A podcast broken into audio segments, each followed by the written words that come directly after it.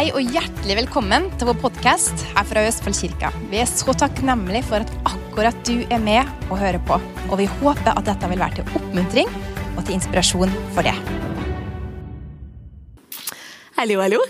Da er det min tur å dele med dere igjen, og det gleder jeg meg alltid til. Jeg håper at dere har hatt en flott uke. Kanskje noen av dere har hatt en tidlig 17. mai-feiring i forbindelse med noe barn eller barnebarn eller skole eller jobb, eller hvis man tok sånn, sånn snikfeiring av 17. mai. Kanskje dere allerede har hatt det?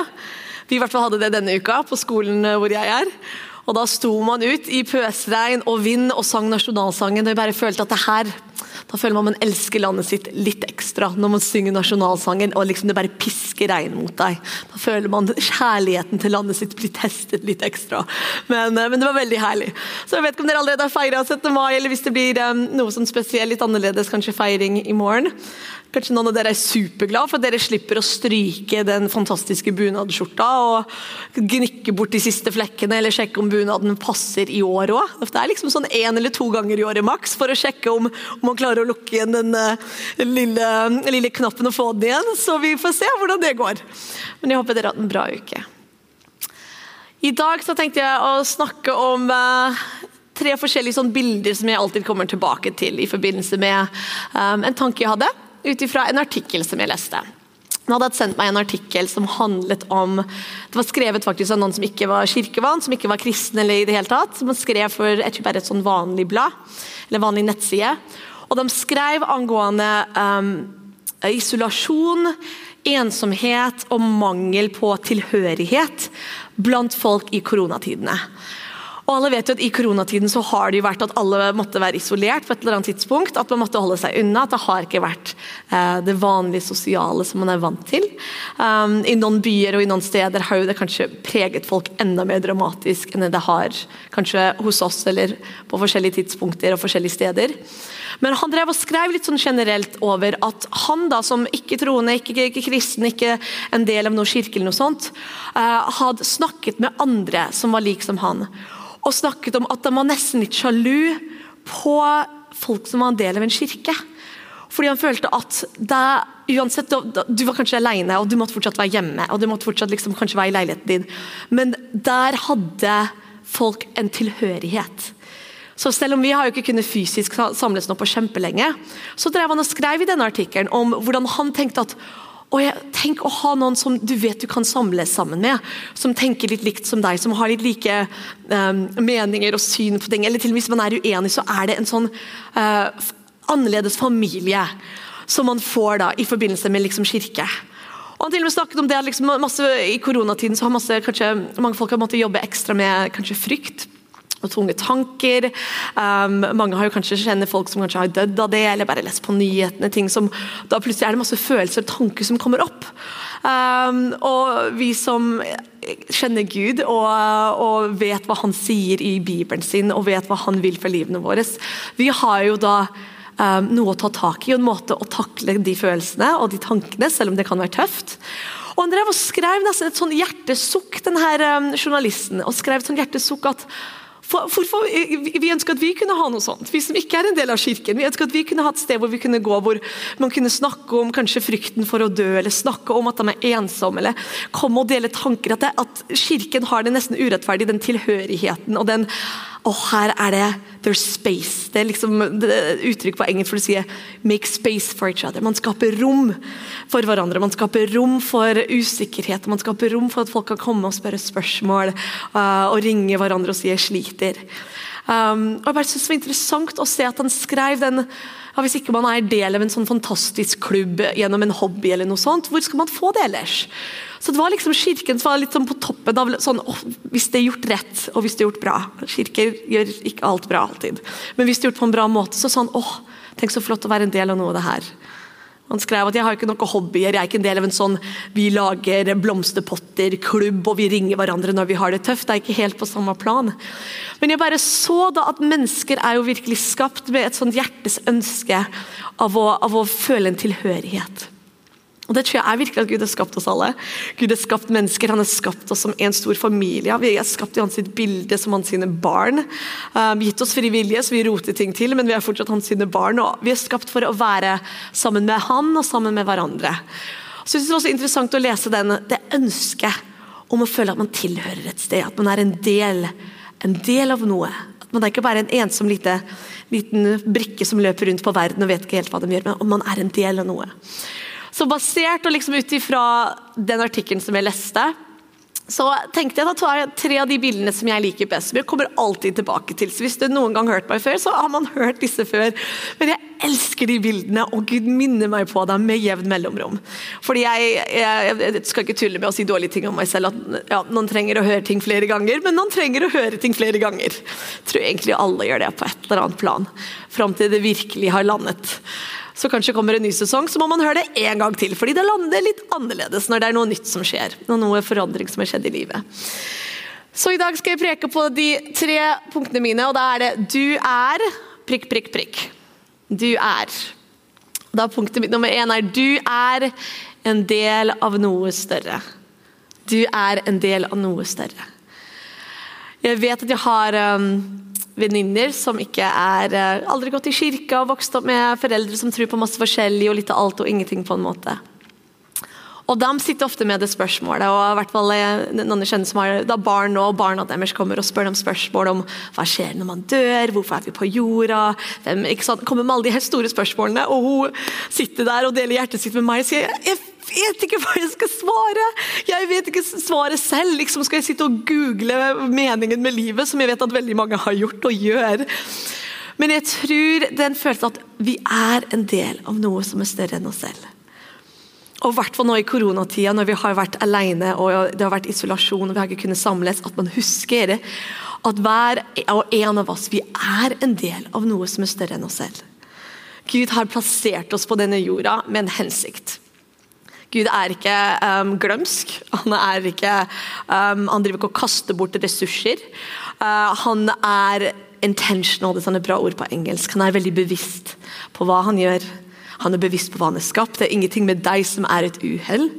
Uh, med tuller med når jeg har søndagsskolen. Jeg har søndagsskolen av og til og underviser de. Da har jeg av og til en leirklump, det er sikkert sagt før, eller jeg liksom later som jeg er Gud og skal liksom skape, skape mennesker og lage leiren. Og så tuller man med at vi mister leirklumpen på gulvet, og så plukker man bare Å, nei, uff, og da ble ørene litt store. Og det var dumt. Ja ja, det får vi bare sende videre. Og så spør jeg er det, er det sånn Gud er. Bare, nei, han er ikke sånn. Skapte han ørene dine perfekt? Ja, han skapte de perfekt. Uh, fordi Gud um, han er en kunstner, og han er bevisst, og han elsker å skape vakre, fantastiske ting som gleder hjertet hans.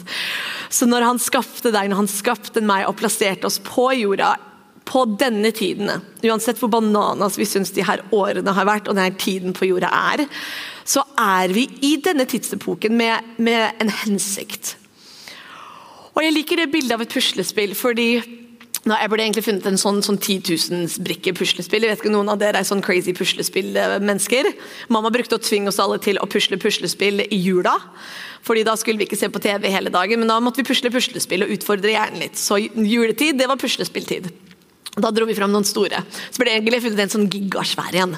Med sånn innvikla Ravensburg-bilder. Men um, jeg tenker når du ser på forskjellige brikker i et puslespill Hvert brikke er kjempeviktig.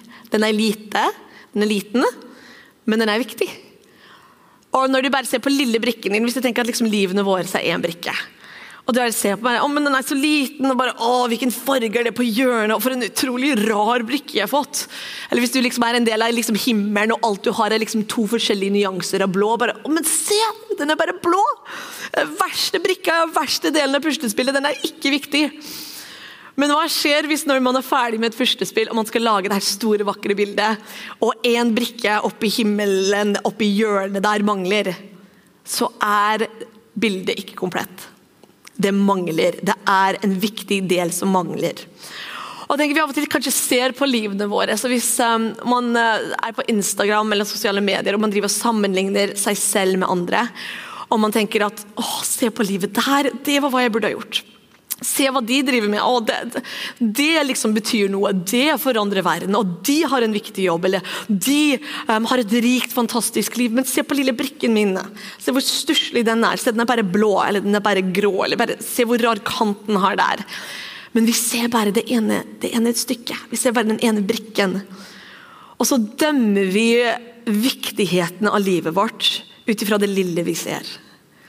Men Gud ser det hele. Gud ser hele, hele bildet. Og Jeg vet jeg har sagt dette før, men jeg synes det er et sånn tydelig, påtagelig eksempel på det lille vi ser, og Gud som ser det hele og sier du er viktig. Din brikke betyr kjempemye. Er ikke du til stede i ditt eget liv med rak rygg og glimt i øyet og vet at du er viktig, uansett hvordan livet ditt ser ut, så er du en brikke i det store bildet av Guds plan for verden. Hvis ikke han hadde en plan for deg her på jorda, så ville han ha tatt deg opp til himmelen. Ikke sånn at han ville drept deg, fordi det gjør han ikke. Gud dreper aldri folk. Men da ville han bare vippsa deg opp til himmelen og hatt deg med seg i himmelen, fordi han elsker oss så mye at han vil ha oss fysisk sammen med han. Men vi er fortsatt her. Så så lenge vi er her, så har vi ting vi skal gjøre. Og når jeg hører folk si det, så tenker jeg åh, ting vi skal gjøre, og så slitsomt. Da ser meg noen som kommer og kommer sånn fem punkt til å redde verden, og hva man må gjøre, og gå ut og banke på dører og løpe rundt og liksom gi bibler til alle folk, og litt sånn stressende, rare kanskje ting. Som er kanskje helt rett for noen, men å ha en sånn fasit at sånn redder man verden, det her er hva alle skal gjøre, det tror jeg ikke stemmer. Gud har så masse nyanser i seg. Han har så mange måter han kan vise hvem han er til verden rundt. Han har så mange måter han kan bare vise kjærlighet til folk. At vi kan ikke begrense Gud til den lille A4-boksen som noen andre har sagt er rett. Så du kan ikke se på livet ditt, se på den brikken og si det her kan ikke bety noe, Gud. Kanskje jeg er et sånn ekstra puslespillbit som er ikke en del av det store bildet. Hvis du kjøper av og til eh, puslespill eh, på bruktbutikker, så ser du noen har vært litt kjapp, så plutselig er det sånn ekstra puslespillbit som ikke er med på det puslespillet. og du bare sånn, å det er sånn ekstra bit. Det er ikke du. Du er viktig, og du er en del av noe større. Uansett hvordan du syns det ser ut, så er Gud Gud trenger at du er fullt til stede og har øynene åpne og ørene åpne og et mykt, klar hjerte til at Gud kan bruke deg akkurat hvor du er, og at han trenger deg akkurat hvor du er. Jeg hørte noen sa at Be faithful where you are. Use the space that you have. Så hvor enn du er, vær fullt til stede der. Hva enn du har i din hånd, elsk det, og bruk det du har i din hånd. Hvis det blir mer eller ikke, det er opp til Gud. Og det er ikke så veldig viktig. Hva enn du har i din hånd, Bruk det og elsk det og gjør det med eksellens og med en glede. og Bare se på det som noe dyrebart. Hvis det er at du går en tur um, hver dag, at du er innom en matbutikk og kanskje ringer en venninne en gang om dagen, eller ringer, sender en melding til en kompis. Hvis det er hva du har i din hånd ut ifra um, kanskje den sesongen av livet du er i akkurat nå, da er det dyrebart. Da gjør du det. Og Da hører du på Den hellige ånd. Hvis han sier noe eller hvisker noe til hjertet ditt, så er du klar. Du er på fordi du vet at min hverdag betyr noe. Og da har du liksom tuna inn. Når jeg ser, den sjelden gangen jeg ser på liksom krigsfilmer, som skjer ikke så ofte, men en god krigsfilm kan jeg sette pris på. Mannen min kan bli litt overrasket, men av og til så kan det være en god krigsfilm kan jeg sette pris på. Um, men det er jo sånn at hvis noen er ute og er ute på feltet og skal ta imot en beskjed, hvis de tror at ja, men nå er ikke vi eh, på et sted som er viktig lenger, nå er vi en jungel som ikke vi trenger å følge med på i det hele tatt, eller ja, nei, men jeg var ikke så viktig uansett, da er ikke de tuna inn til å få instruks fra kapteinen deres. Eller løytnant, eller hvem som er øverste, jeg har ikke peiling. Men da er ikke de tuna inn for å høre kanskje på øret sitt. Ok, nå må du gjøre dette, nå er dette kjempeviktig, gå og gjør dette. Det blir kjempebra. Da bare sitter de der og kanskje lener seg mot et tre og tenker ja, det er ikke viktig, og dagen er så kjedelige, det er ingenting å gjøre. Men da er ikke de tuna inn til det de skal gjøre. Fordi de tror at ja, men jeg er her, og det ser ikke viktig ut. Så Vi må være i tune med Den hellige ånd. Da tror jeg livet blir så spennende. Det blir ikke noe fordømmelse, det blir ikke noe stress og strev. Men Den hellige ånd er så til stede i hverdagen for å bruke det du har i hånda di. For å bruke hvem du er, der du er. Og da er det aldri en strev eller stress. Kjenner du det? Da må du gå tilbake og bruke tid med Gud fram til du nullstiller det. Og da bare kjenne en hellige ånd, hva, hva, skal vi gjøre i dag? Og Hvis du får inget svar, så bare gjør du det du har planlagt. Sånn som med GPS. Hører du ikke GPS-en sier noe, da fortsetter du rett frem. Det er veldig enkelt. Men vi må være in tune og vite at vi er del av noe større. Derfor har jeg øynene åpne, jeg har ørene åpne, og vet at hvor jeg er, så er det viktig. Jeg kommer jo alltid tilbake til um, gutten med matpakka som kom og ga matpakka si til Jesus. Og Jesus velsigna det, og det matet tusenvis. Elsker en av mine favorittbilder, fordi det er så tydelig. Han hadde bare en matpakke. Han fikk det hver dag. Det virka ikke som noe betydelig i det hele tatt. Men han turte å stole nok på at det jeg har, betyr noe. At han turte å gå opp til Jesus og si 'Her er matpakka mi'. Hva kan du gjøre med den? Her er matpakka mi.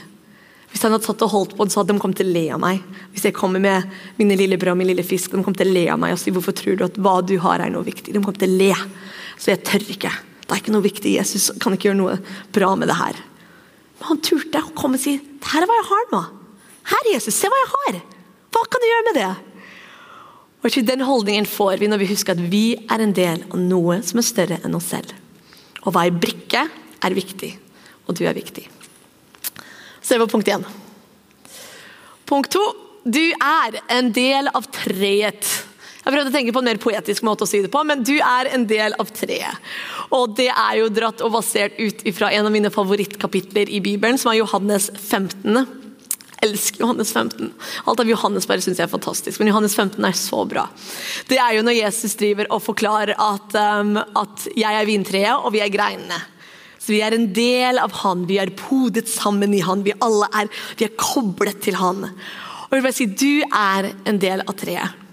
Og der er igjen et bilde jeg liker å bruke ofte, at Vi er ikke en liten stusslig liksom, urt eller, eller liten plante eller ugress som driver og løper rundt alene og bare prøver å få til liv og streve. og å nei, nå ble det litt mye sol, og vi tørker ut. og Vi prøver å vokse frem vakre blomster alene, men vi klarer det ikke. Det er sånn en trygghet og sånn en ro i at vi er en del av noe.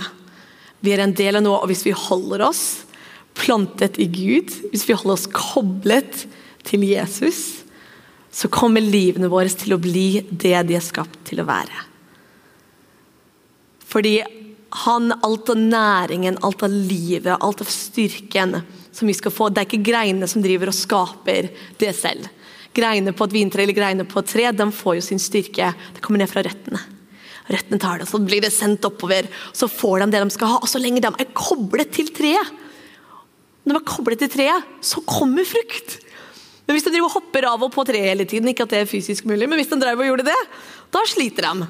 Da begynner kanskje den greina å se litt stusslig ut, og frukta begynner å slite litt. Da blir det et slitsomt liv. Men når man er koblet til treet og vet at her er min styrke, ut ifra her skal all styrke komme, ut ifra her skal all initiativ og kreativitet komme, ut ifra her, det her stedet hvor jeg er koblet til Guds kjærlighet, og jeg har denne nærheten med Gud. Så vi som kristne jeg tror jeg tør å si at En av de viktigste tingene vi bruker fokus og mental um, fokus på, er det å se hva er det noe som står mellom meg og Gud akkurat nå. Er det noe som holder meg tilbake? Er det noe skam som gjør at jeg ikke tør å komme til Gud akkurat nå? Gå og snakk til Gud om det. Ikke prøv å fikse det først, og så komme til Gud. Det er det vi tenker at vi skal gjøre. Ja, det er noe mellom meg og Gud. Jeg gjør samme synden hver eneste dag, og det er det som holder meg bak. Men med en gang jeg har fått det på plass, skal jeg komme til Gud, og da skal vi være så close. Men det er feil. Det er jo feil. Det er liksom som greina som skal gå og fikse den ene råtne frukta si, og liksom skal gå bort i hjørnet og fikse seg før han kommer til, tilbake til stammen. Koble deg til stammen, så begynner du å få liv som bare renner gjennom deg, som strømmer gjennom deg. Så fikser det seg selv når du er koblet til Gud. Tenk hvordan er man koblet til Gud Tenk man er koblet til Gud på mange forskjellige måter, men det at man har sin fokus på at Gud, Gud er med meg, og han elsker meg.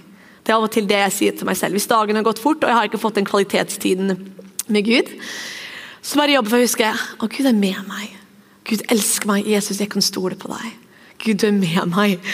Du elsker meg, du elsker meg. Du elsker meg så mye. Du liker meg.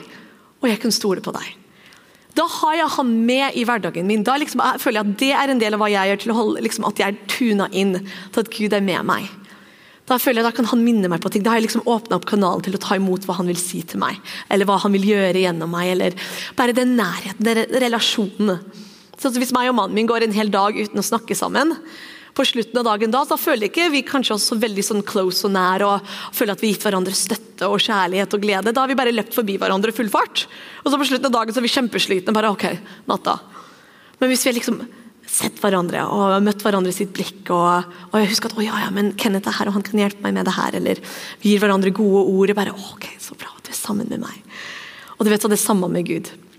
Så det At vi har fokuset på han i løpet av dagen i tankene våre, det at vi bruker tid med han, hvor du kan bare sitte og Hvis det er gjennom at du går tur og går ut, jeg sier jo det mange ganger, at det er forskjellige måter å bruke tid med Gud, men at du har den alenetiden med Gud. Hvis du rekker ti minutter før småbarna våkner med en kaffe og bare hører på musikk, bare stille, bare hører på et eller annet som bare hjelper å stilne hodet ditt litt. Bare, å Gud, du elsker meg. Du er med meg i dag. Du elsker meg, du er med meg i dag. Dagen min er viktig for deg. Mitt liv er viktig for deg. Og du elsker meg, du vet hva jeg trenger. Hvis du bare har det øyeblikket med Gud før dagen din starter, så kan det være nok. Og så er det jo Guds ord som er mat for sjela vår, hvor du bare mater deg. Det er en annen måte å bare få i deg mer og mer av Gud og liksom skape den nærheten til Gud. Fordi han vil at du skal ha det. At vi kan være nær han og fylle tankene våre med hans sine tanker.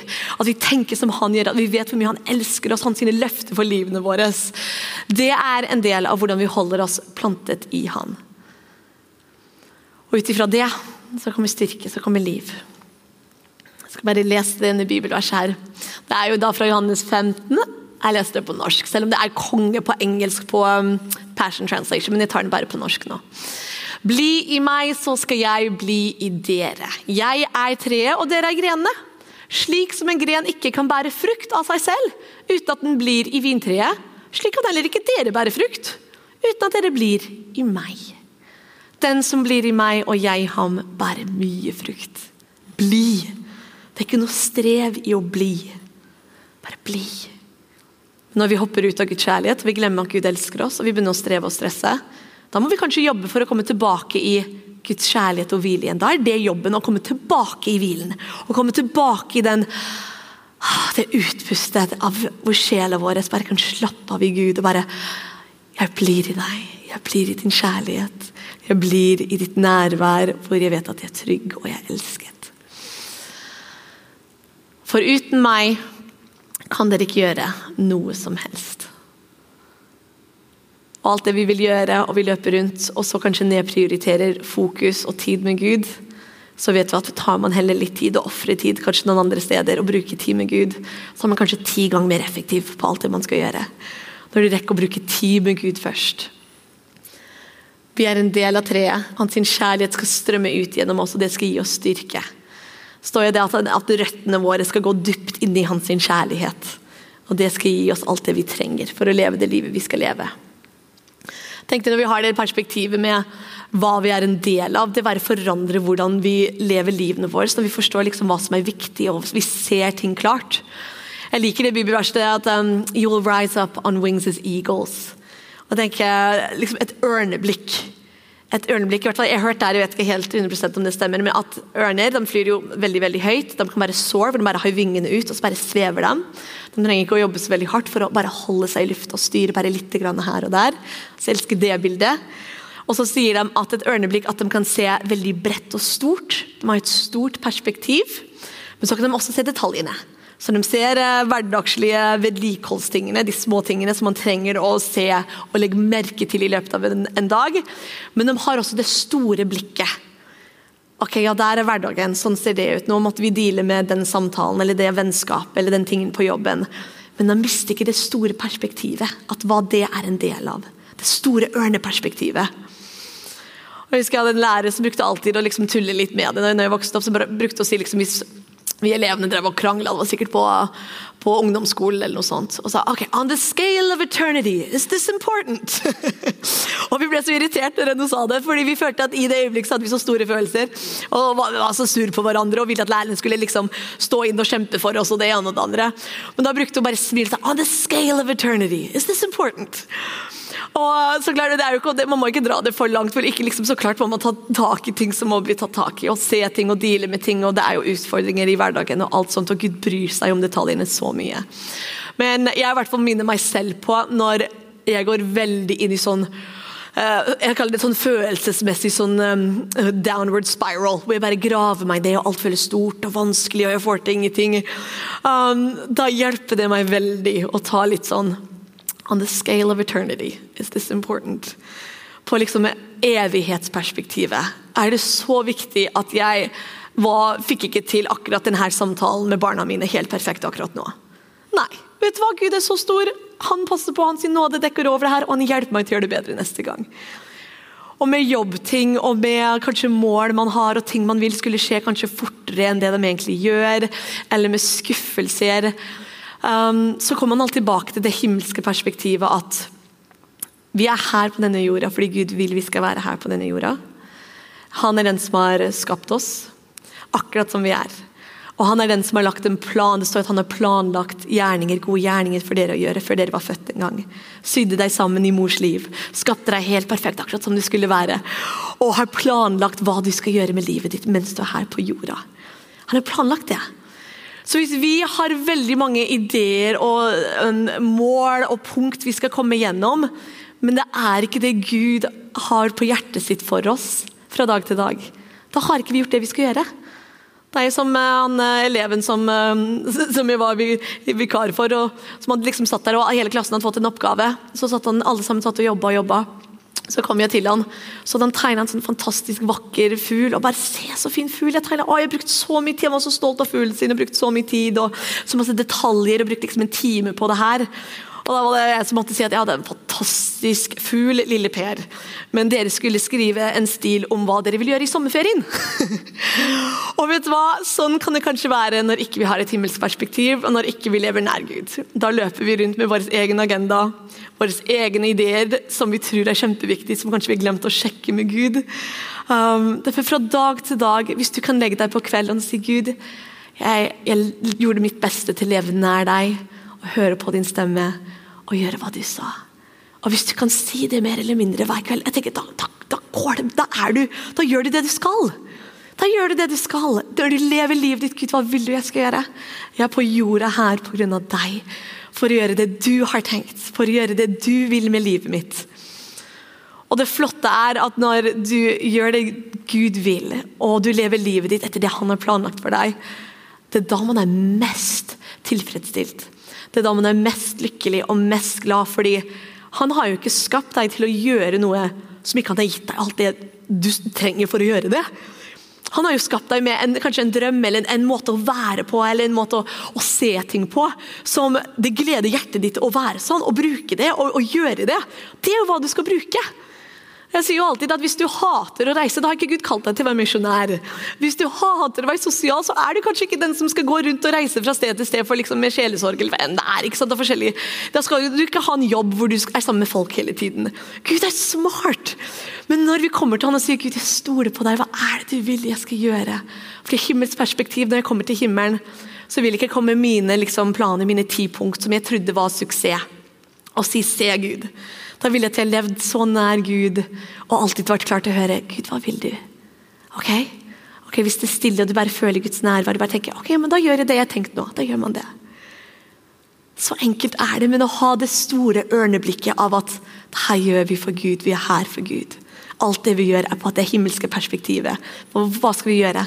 Glede Guds hjerte. Da blir det rett. Uansett hvordan, Da skal vi ikke sitte og dømme lille brikken vår og si ja, men den virker så liten!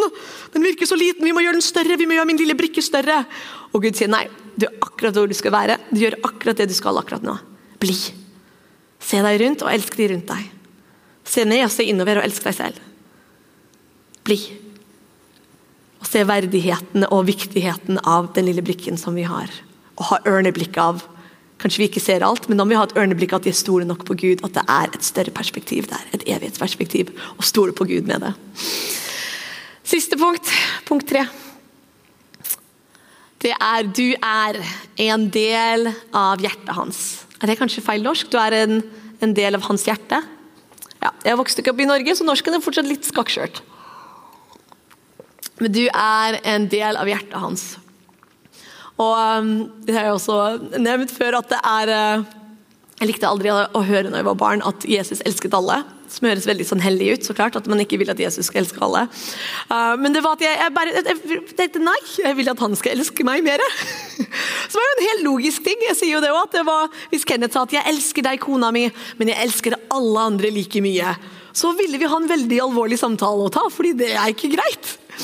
Men, men, Gud er jo Gud, og vi klarer aldri å forstå Gud. Jeg vet at vi prøver når vi prøver å forstå ting, og vi prøver å liksom, okay, Gud, hvordan fungerer det her? Hvordan tenker du? Hvordan er det mulig at du elsker alle? Hvordan er det mulig at noen som er født i andre steder i lender og har det tøft og vanskelig, hvordan er det mulig at, at du elsker de like mye som meg?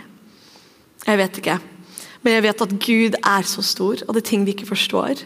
Og han har, hver eneste person har sin egen plass i Guds hjerte. Forstår ikke hvordan det er mulig, men han har det. Hver eneste person har sin egen spesielle plass i Guds hjerte, som det er bare du som kan fylle. Og Han har en spesiell måte å elske hver person på. Så kanskje den mammaen i Somalia som ikke er født i et land som har eh, boblende over av overskudd og luksus på mange måter, men jeg vet at han har en måte av å være der for henne og elske henne som ikke jeg forstår. Ting rundt kanskje virker veldig urettferdig, men jeg vet at Gud er god. Og At han elsker mennesker, og at han har hver eneste person har sin egen plass i hans hjerte. Jeg hørte en lovsangsleder som drev og delte at hennes relasjon med Gud at I mange år var det bare at hun våkna, leste Bibelen sin, var veldig litt sånn, hun likte å ha litt sånn lister og hvordan hun skulle gjøre ting. og liksom Punkt for punkt. Bra, da har vi gjort det vi skal gjøre i dag. Pusse tenner, lese Bibelen, um, be i fem minutter og bla, bla, bla. og Gjøre alt av det. Og da sa Hun brukte bare å sitte der. liksom, ok, ja Gud, her er jeg, er det noe du vil si til meg i dag? Um, ok, nei, ingenting. Ok, amen. Og så gikk hun videre. Men hun sa at hun hadde hørt noen preke, og det forandra alt. For hun sa at ja, det er en relasjon med Gud. I en bra relasjon så er det ikke bare én person som snakker. I en bra relasjon så er det ikke bare at den ene gir masse, og den andre tar imot. Men det er at den andre blir like glad av å få fra den andre. Så hun sa at hennes tid med Gud forandret seg så mye når hun forsto at Gud ville høre hva hun hadde å si. At når hun brukte tid med Gud, så, så Gud ga hun liksom et bilde av seg selv som satt der og bare OK, Amanda, hva, hva har du tenkt på i dag? Hva, hva, vil du si til meg? Hva vil du fortelle meg? Hva vil du tulle med med meg? Liksom, at han satt og bare ville ha noe tilbake. Og Det er jo helt logisk men vi tenker på det. at Noen som bare sitter og er bare sånn 'Jeg er din slave. Hva vil du jeg skal gjøre?' Det var jo derfor Gud sendte Jesus. og det, det, skulle ikke være sånn. Det skulle være den nærheten. Det skulle være den at Gud vil høre hva du har å si. Han vil at du kan gjøre det, at, at du kan dele ditt hjerte med han, og det gleder hans hjerte, fordi du har din egen plass i hans hjerte som det bare du som kan fylle en annen uh, flott predikant som reiser rundt. og Hun sa at i et øyeblikk i lovsang så, så spurte hun Gud, for da hadde hun kanskje vært litt travelt, hun hadde ikke fått så mye tid og ro til å kanskje snakke med Gud. og sto der i lovsang og bare spurte Gud Gud, elsker du meg? Jeg vet jo egentlig, Hodet mitt vet at du gjør det, men elsker du meg? Sånn litt sånn barnslig. Og Jeg tror Gud elsker når vi er barnslige av og til og spør litt sånn barnslige spørsmål. Og så bare følte at Gud liksom sa det i hjertet hennes eller i hodet hennes. så bare følte, ja, så klart elsker deg. Jeg holder ditt hjerte i mitt hjerte. Jeg føler alt det du føler. Jeg holder ditt hjerte i mitt hjerte. Og Jeg likte det bildet så godt, at Gud holder ditt hjerte i hans sitt hjerte. Um, og når ikke du um, bruker tid med han, eller deler av deg selv med Gud, så er det et tomrom hvor du skulle være i Guds sitt hjerte. Og Det er ikke sagt for å gi noen fordømmelse eller noen dårlig følelse, men jeg liker å vite at jeg betyr noe for noen. At um, når jeg kommer, når jeg sier noe, så betyr det noe for dem. Kommer jeg og deler mine tanker, så setter de pris på at jeg deler hva jeg har å si. Um, kommer med ideer, så syns de det er spennende å høre hva jeg har tenkt. Og Hvis vi er sånn med hverandre i en relasjon, i en menneskelig relasjon Gud har jo skapt oss i sitt bilde, så klart skal vår relasjon med Han være samme. Og han er Gud, han er Gud, han har skapt alt. Alt vi ser og tar på, har han jo skapt. Og han er jo så stor. Når du leser noen bibelvers, han, liksom, han bare taler eller puster, og så bare kan fjell dette ned. og liksom, Alt han kan ryste i hele verden. Um, the earth is its footstool. Det er så mange bibelvers som forklarer storheten av Gud. Så du er så stor og så mektig. Um, og Hans herlighet er jo så enorm at de sa jo i Gamle testamentet at du, du kunne ikke se på det engang. Det En vanlig menneske kunne ikke tåle det, fordi det var så mektig og kraftig. Men den samme guden vet hvor mange hår du har på hodet ditt, hvis det er mange eller få, og vil høre hva du har tenkt når du sto opp om morgenen og lagde deg kaffe. Og det elsker jeg.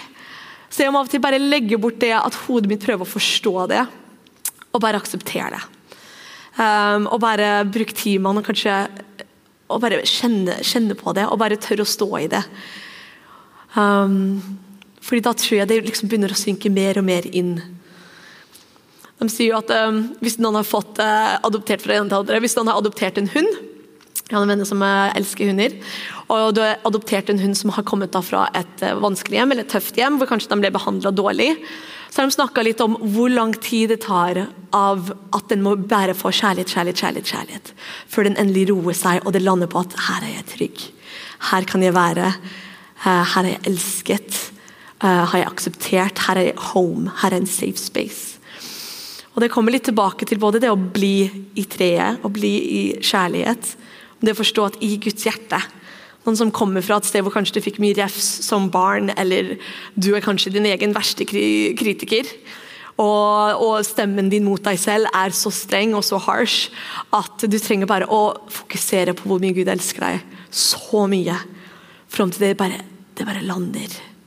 Fordi med en gang det landa, og den strevinga roer seg, og du vet at 'jeg har ingenting å bevise', alt det jeg skal gjøre med livet mitt, og store ting Gud har planlagt for meg, den fantastiske framtiden som Gud har planlagt for meg, alt kommer kom, kom til å komme ut ifra at Gud elsker meg, og hvem han har skapt meg til å være. Og Når du vet du er elsket og du er verdifull, så bare strømmer det ut av deg. Da bare kommer frukt frem, og du har et liv. Plutselig ser du på livet ditt. Um, kanskje en litt tid framover så ser du på livet ditt, og det eneste du har gjort, er å fokusere på Guds kjærlighet for deg.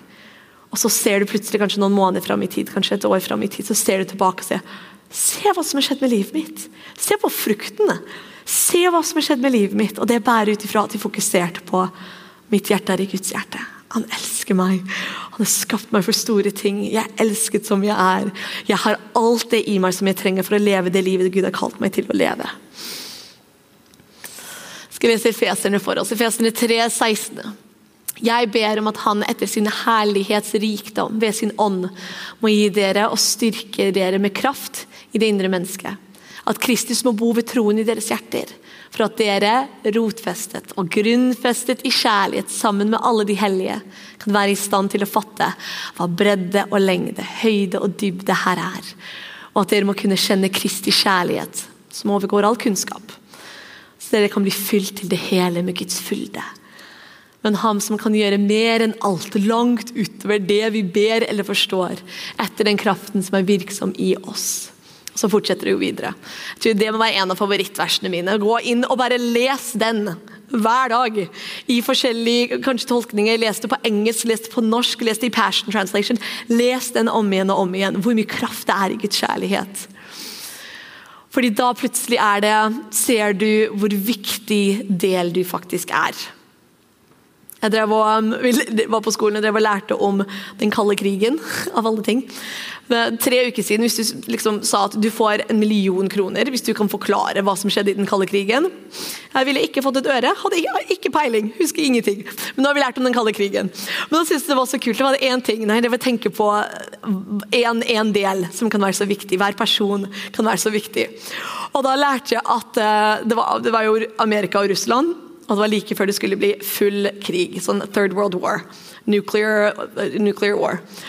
Og da var det like før Russland skulle attakkere og sende bomber på Amerika. Og det ville jo utløst virkelig tredje verdenskrig.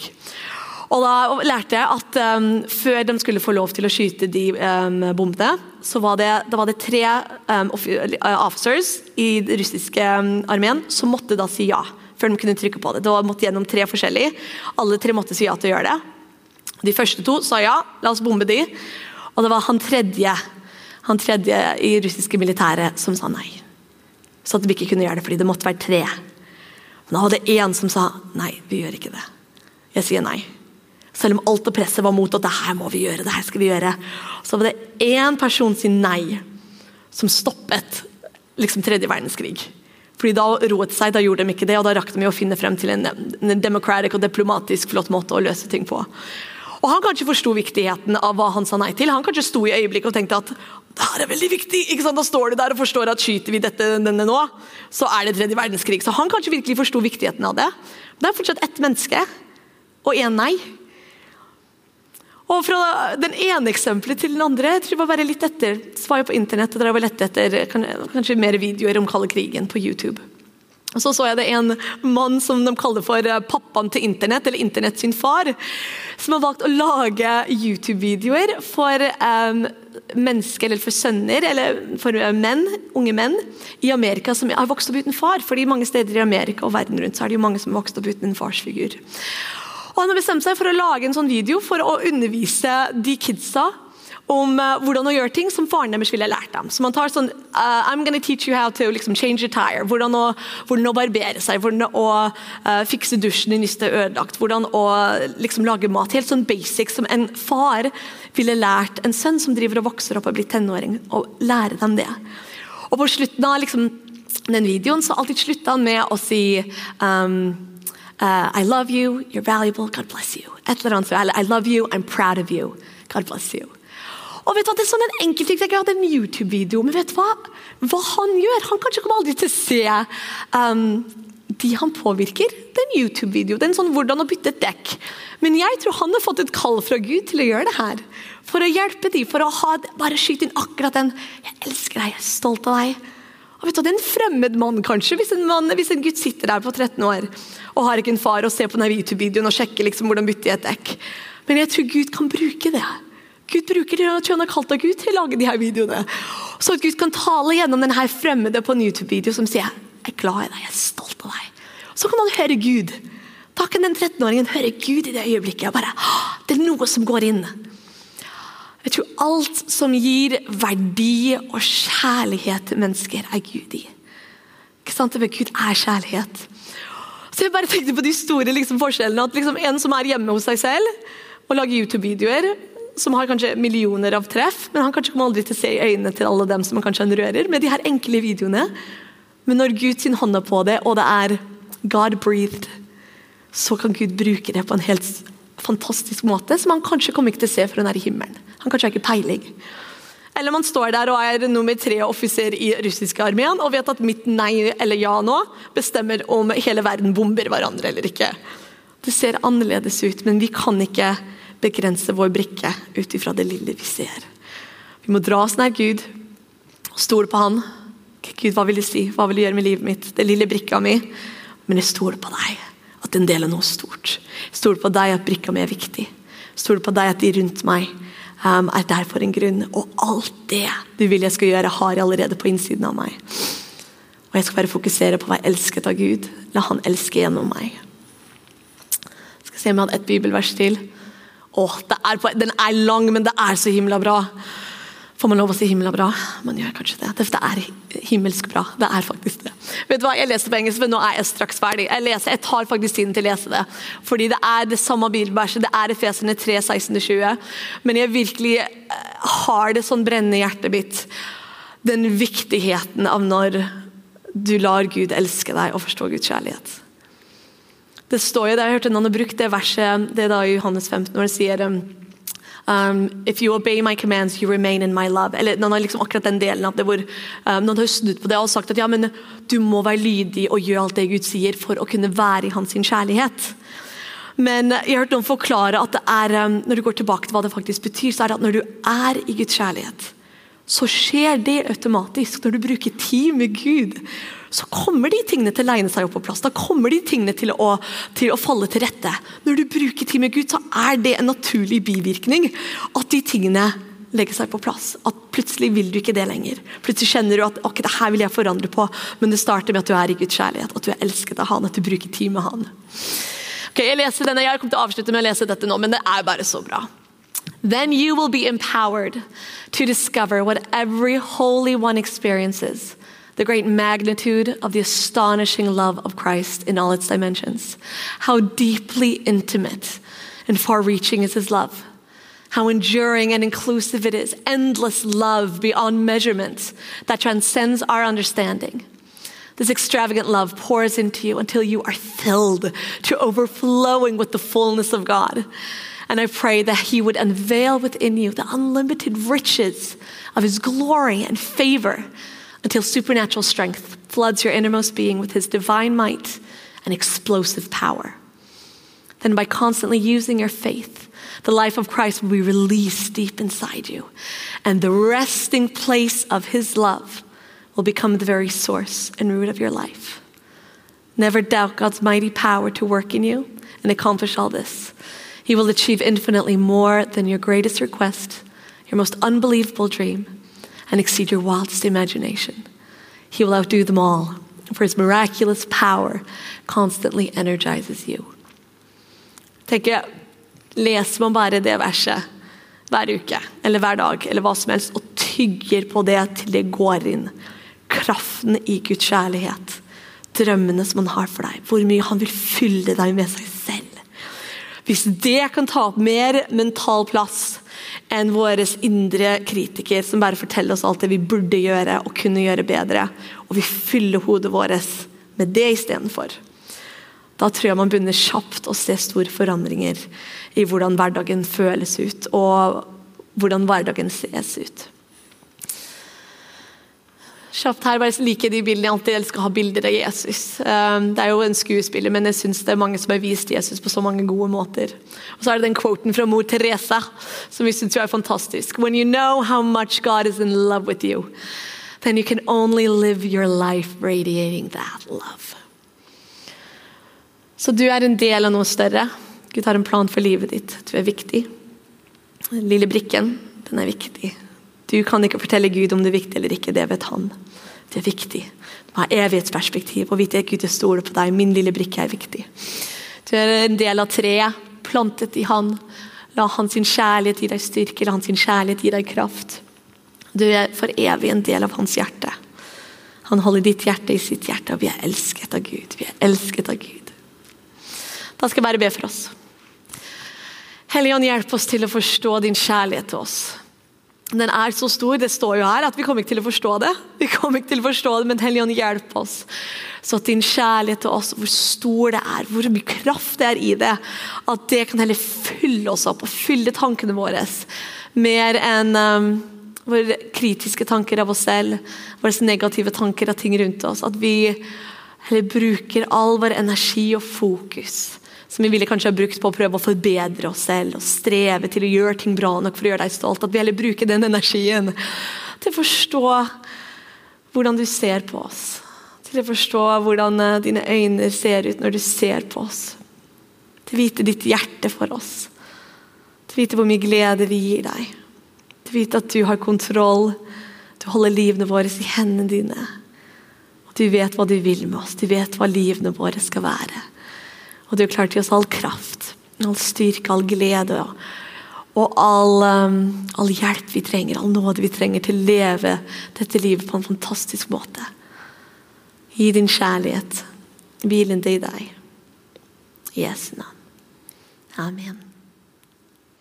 Tusen takk at du tuna inn og at du var sammen med oss på dette programmet. Vi håper at det var en oppmuntring til deg i din hverdag.